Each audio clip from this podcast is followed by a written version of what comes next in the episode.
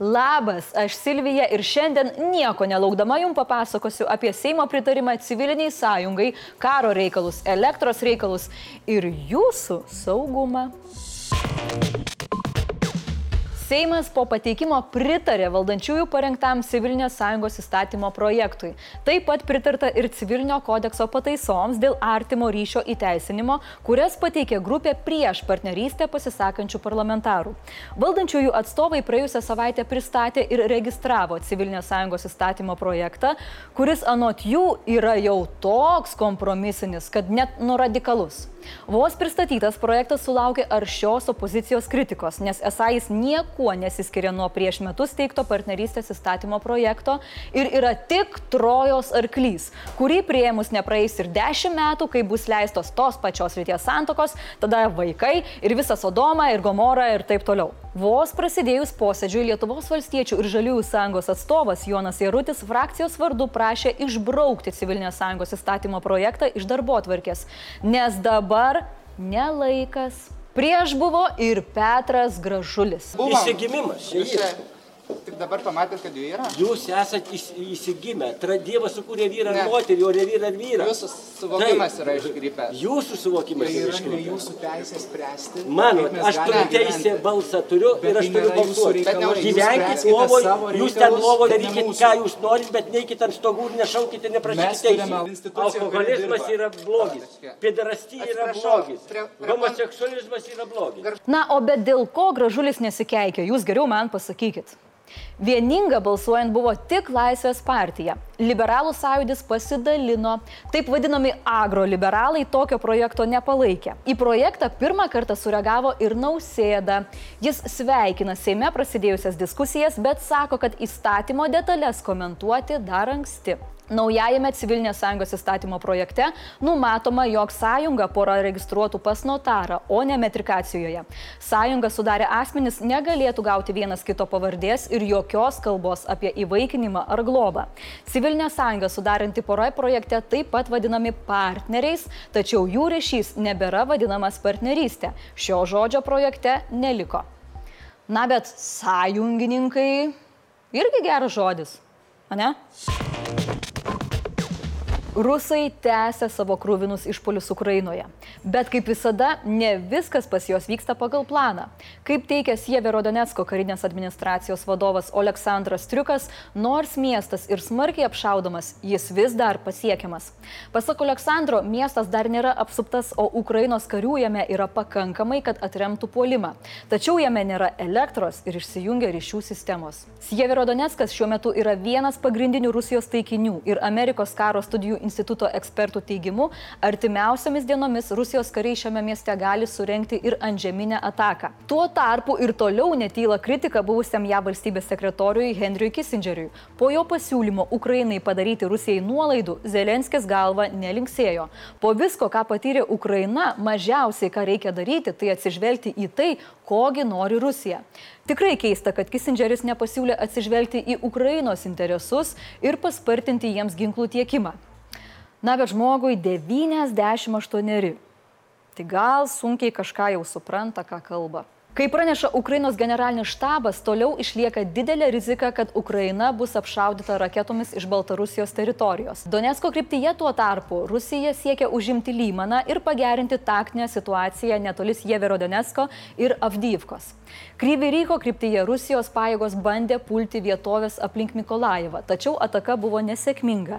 Grįžtant prie Kissingerio pasiūlymų. Rytų Ukrainos Lysyčiansko mieste vietos policija Macinėje kapavietėje palaidojo mažiausiai 150 žmonių. Į kapą amžinojo polsio atgulė Rusijos apšaudimo aukos ir mirė dėl kitų priežasčių. Ukraina žudyti okupantus geba ir pati.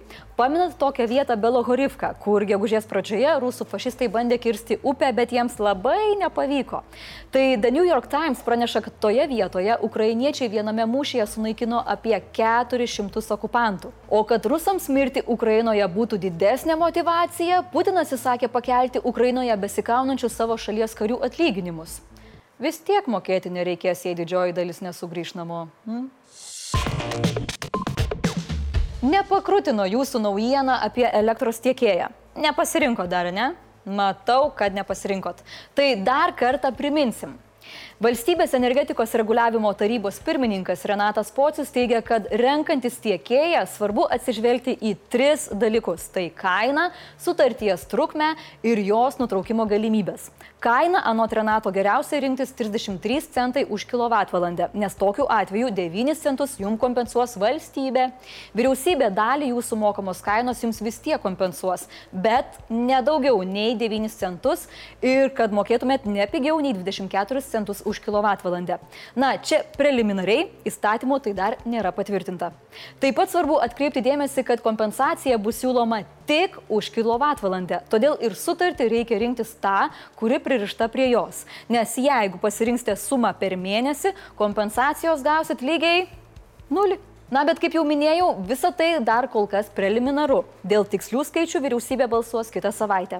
Kas liečia sutarties laikotarpį, tai Lietuvos energetikos agentūros direktorius Virgilijus Poderys patarė, kad tie, kurie bijo nepataikyti su elektros tiekėjo pasirinkimu, visų pirma turėtų pasirinkti sutartį trumpesniam laikotarpiui, na pavyzdžiui, metams ar pusantrų.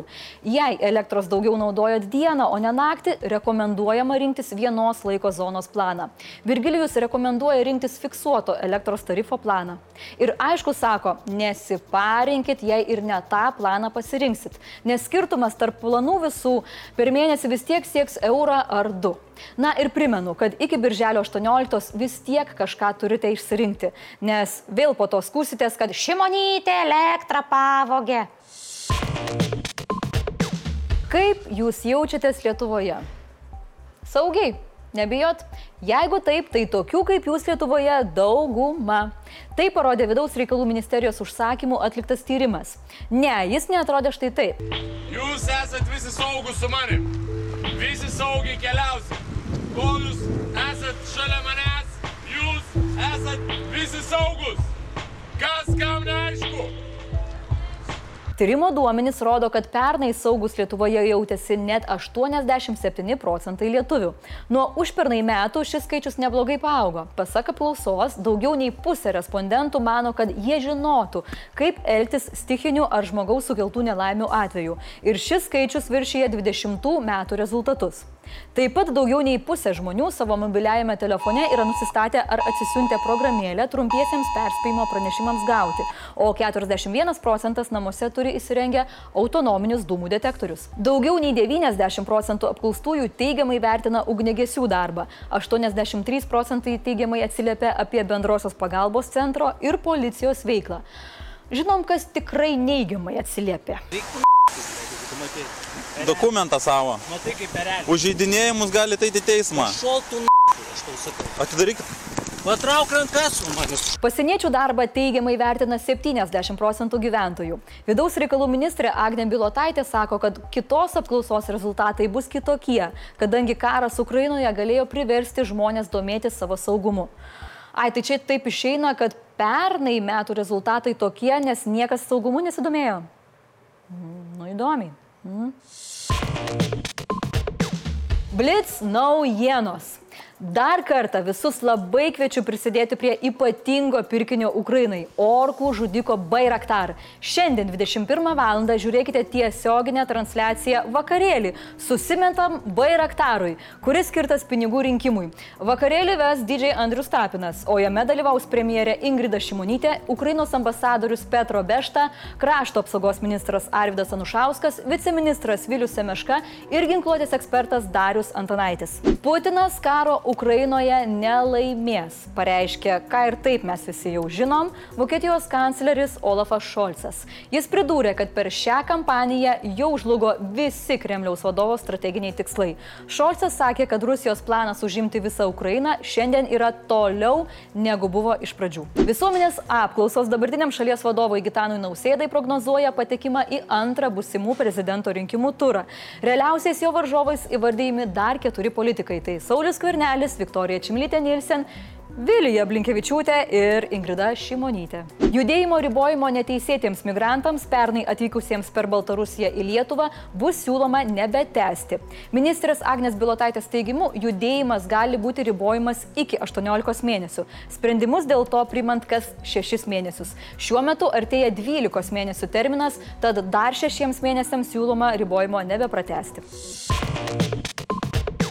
Nu, žinokit, dar negaliu išeiti, nes turiu šitos du draugus iš turgaus einančius praleisti, tai sorry.